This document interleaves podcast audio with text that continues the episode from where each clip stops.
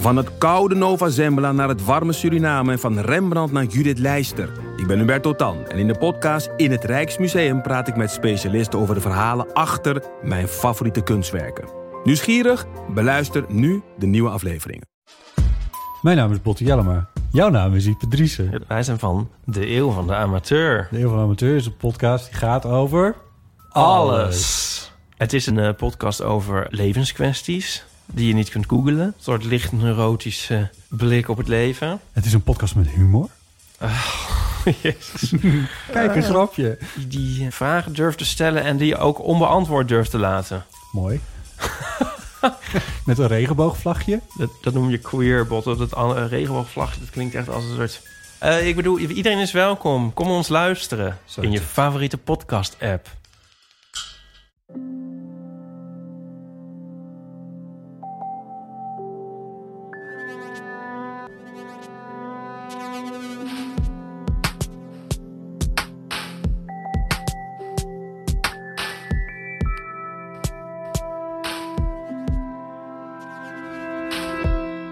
Ik ben Pieter van Relaas. In Relaas hoor je waar gebeurde verhalen en die worden verteld door de mensen die ze zelf hebben meegemaakt. Ruud vertelt iets tussen een liefdesverhaal, een reisverhaal en het relaas van een bonte avond. Heel wijs dat sommige verhalen zich op dat kruispunt afspelen. En er is ook nog eens een Nokia 3310 en het warhoofd van Ruud meegemoeid. Alles samen vormt dit haar relaas.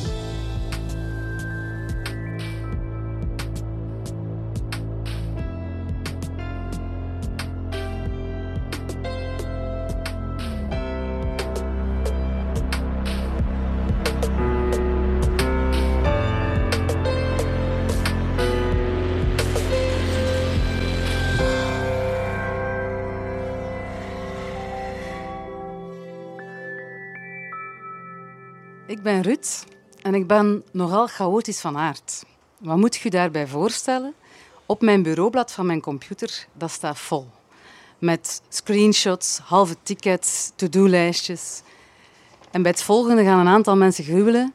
In mijn inbox zijn er 1522 ongelezen e-mails. Waar kunnen die chaos ook nog merken? Op het moment dat ik mijn sleutels zoek, ik vind die nooit. Want mijn zak zit altijd vol met van alles. Halve coupons, eh, extra truitjes, dingen die ik nog nodig heb. En dan blijken die sleutels natuurlijk altijd ergens anders te zitten. Wat is het nadeel van zoveel gerief bij te hebben en zo chaotisch te zijn, dat ik natuurlijk heel vaak dingen verlies? Wat is het voordeel van veel dingen te verliezen? Dat ik enorm goed ben geworden in het terugvinden van zaken. En ook heel hardnekkig en vasthoudend daarin. En wat is daar het voordeel van? Als ik iets vind van iemand anders, dan kan ik me enorm goed verplaatsen in hoe het is om iets te verliezen. Zo was het ook 15 jaar geleden op Polly Polly Beach in Zeebrugge. Een festival waar ik met vriendinnen aanwezig was. En wij waren aan het dansen en ons goed aan het amuseren. En plots zie ik daar in het zand een Nokia 3310 liggen. Nokia 3310, 15 jaar geleden, was wel wat waard. Maar geen haar op mijn hoofd had eraan dacht om die te houden. Want ik dacht, ik had vooral veel empathie met degene die die Nokia was verloren. Dus ik doe die open, kijk naar het laatste berichtje en daar staat, waar zijde jij? Dus ik antwoord, ik weet niet waar de eigenaar van deze gsm is, maar ik heb hem gevonden op Polly Polly Beach. Direct een antwoord, ah, dat is de gsm van mijn maat Bram. Bram heb ik altijd al een schone naam gevonden. Dus ik denk, oké.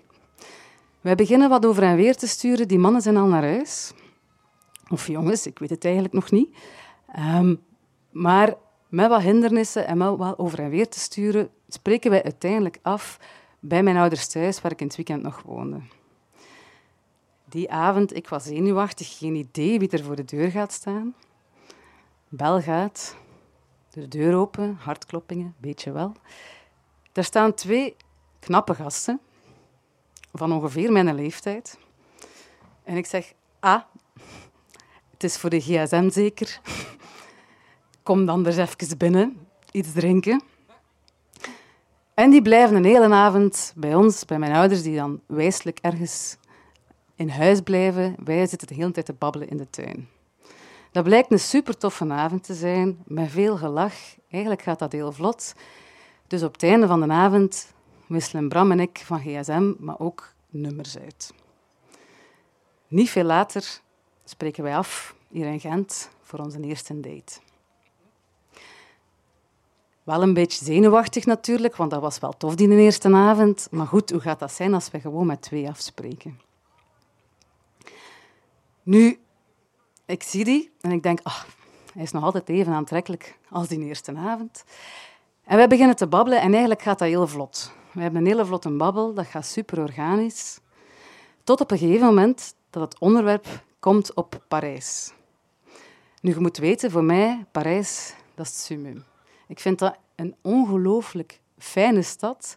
En zo mijn romantische ziel die komt daar ook helemaal tot leven. Zo flaneren langs de Seine, die imposante Eiffeltoren, de kunst op Montmartre, alle clichés, voor mij is dat helemaal waar. Dus die zegt, ik ben nog nooit in Parijs geweest. En ik denk, hoe kan dat? Ik zeg, ja, anders gaan we nu naar Parijs. En hij zegt, nu? Ik zo, ja. En hij kijkt zo naar mij. Oké. Ik, mengeling van verbazing, adrenaline, opwinding. Oké, dan zijn we weg. Dus wij zaten in het waterhuis aan de bierkant. We gaan naar een toog. Wij vragen daar een stuk karton, schrijven daar Parijs op en te voet richting de oprit hier aan het Gent-Zuid. Klaar voor ons avontuur naar Parijs. Eén uur s'nachts, een weekavond om de spanning zo wat, die wat opgebouwd wordt onderweg, passeren we een nachtwinkel en zo in volle enthousiasme van ja tegen het leven, kopen wij onze fles cava. Oké, we gaan met een fles cava de Eiffeltoren gaan tikken of zoiets. Dus wij op weg naar die oprit. En we staan daar dan. Auto's passeren niet zoveel. We beginnen zo wat te aarzelen, maar toch vastberaden stopt er een auto. Ons bordje, Parijs. En die zegt, wij lopen er naartoe, en die zegt, ja, ik kan jullie niet naar Parijs brengen, maar ik moet wel hè, die richting uit. Ik zal jullie afzetten op een tankstation in Nazareth. Dan zijn het tenminste al op weg. Vrego. Nazareth, het is nog niet Parijs, maar vrego. Wij, blij dat we het beet hadden, komen op dat tankstation niet veel later toe, zwaaien die man uit en daar staan we dan. Dat winkeltje is toe, daar is niet veel te zien. Buiten zo'n aantal truckchauffeurs. Dus wij, ja, op weg naar die truckchauffeurs, zo aarzelend, maar vertellen ons verhaal, vertellen ons plan.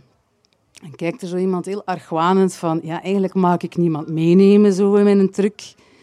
Maar die blijkt toch gecharmeerd te zijn door ons plan en zegt, allez, ik moet niet naar Parijs, maar ik kan misschien wel iets fixen.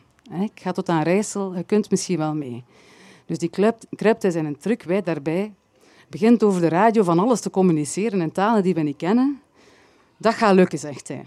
Dus wij, oké, heel blij, heel enthousiast, in die cabine, op weg. En in die cabine zie ik zo een cameraatje staan of zo, een schermpje staan. Dus om wat conversatie te maken, zeg ik, ah, zijn een film aan het kijken of zo? Ah ja, hoe je een film aan het kijken terwijl je aan het rijden bent. Ja, ja. Ja, want als ik geen film kijk, dan zie ik altijd maar die wegmarkering passeren.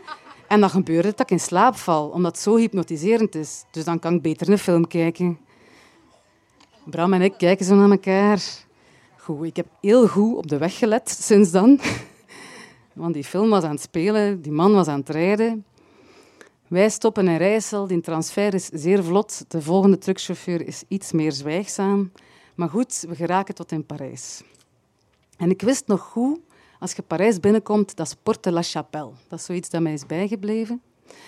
Dus wij worden daar langs de baan afgezet. En we staan daar zonder Google Maps.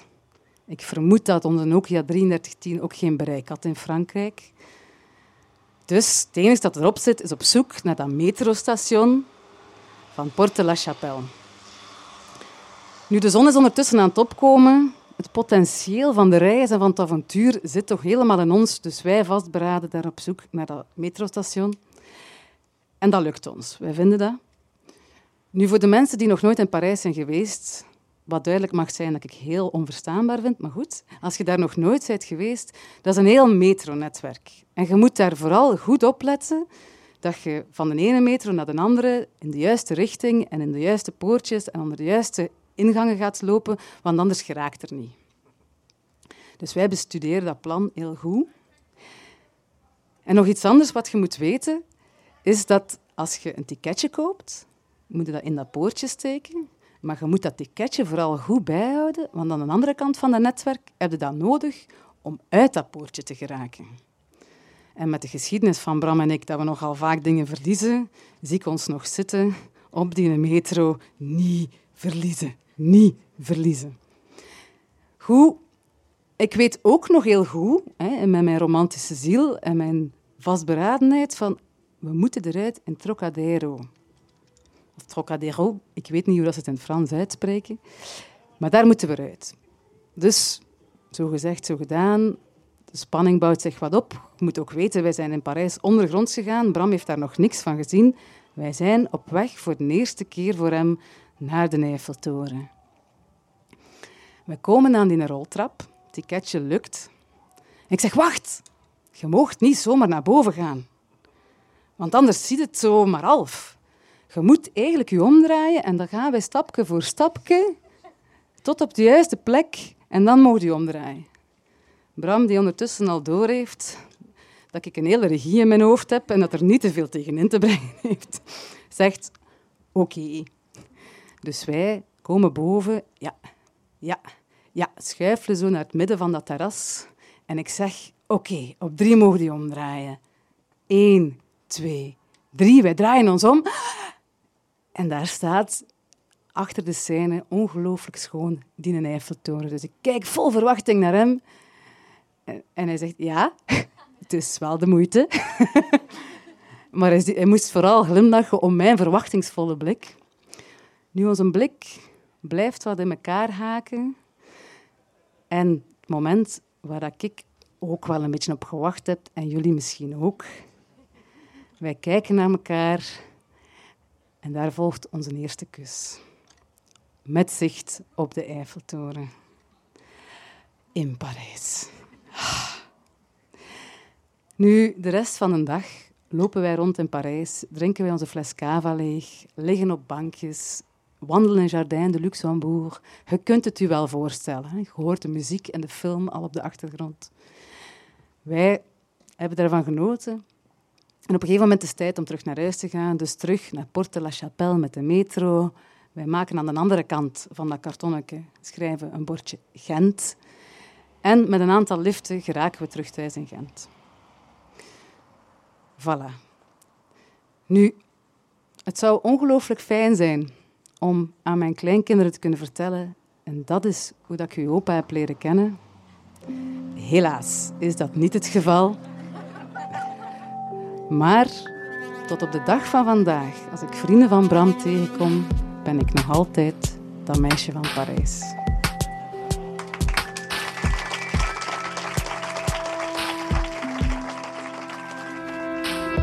Dat was het relaas van Ruud. Ze heeft het verteld op Bar Bricolage. Het was in september van 2022. Een nazomeravond, dat herinner ik mij nog. Het was geen warme nazomeravond. Maar uh, de sfeer en de verlichting en de soms hilarische verhalen, die zorgden ervoor dat het toch een avond werd om nooit te vergeten. Normaal gezien hebben we trouwens vier vertellers op zo'n relaasavond, maar die avond hadden we er maar drie. En toen hebben we het publiek uitgenodigd om zelf ook te komen vertellen. Heel eerlijk en heel gemoedelijk was dat. En toen hebben ze korte anekdotes van vijf minuten verteld. Maar in het publiek zaten er echt wel een paar ras-echte verhalenvertellers. En daar zijn we bij Relaas van overtuigd dat iedereen een verhaal te vertellen heeft. Kort of lang. Je kan die korte verhaaltjes van op Bar Bricolage trouwens exclusief beluisteren als je vriend van Relaas wordt. Dat kan via vriendvandeshow.be slash relaas. Voor enkele eurotjes per maand krijg je toegang tot die exclusieve verhalen maar je helpt daarnaast ook nog eens om deze podcast gratis te houden en je steunt er ons team van 25 vrijwilligers mee, die in Gent, Brugge en Antwerpen hun uiterste best doen om elke maand opnieuw verhalen te vinden, die verhalen te coachen, die verhalen op een podium te brengen en die verhalen als podcast tot bij jullie te sturen. Dankjewel ook aan de stad Gent en aan de Vlaamse gemeenschap en dan meer bepaald aan de afdeling cultuur van die twee um, entiteiten. Jullie ondersteunen ons mee om deze vertelavonden te blijven organiseren. Dankjewel daarvoor.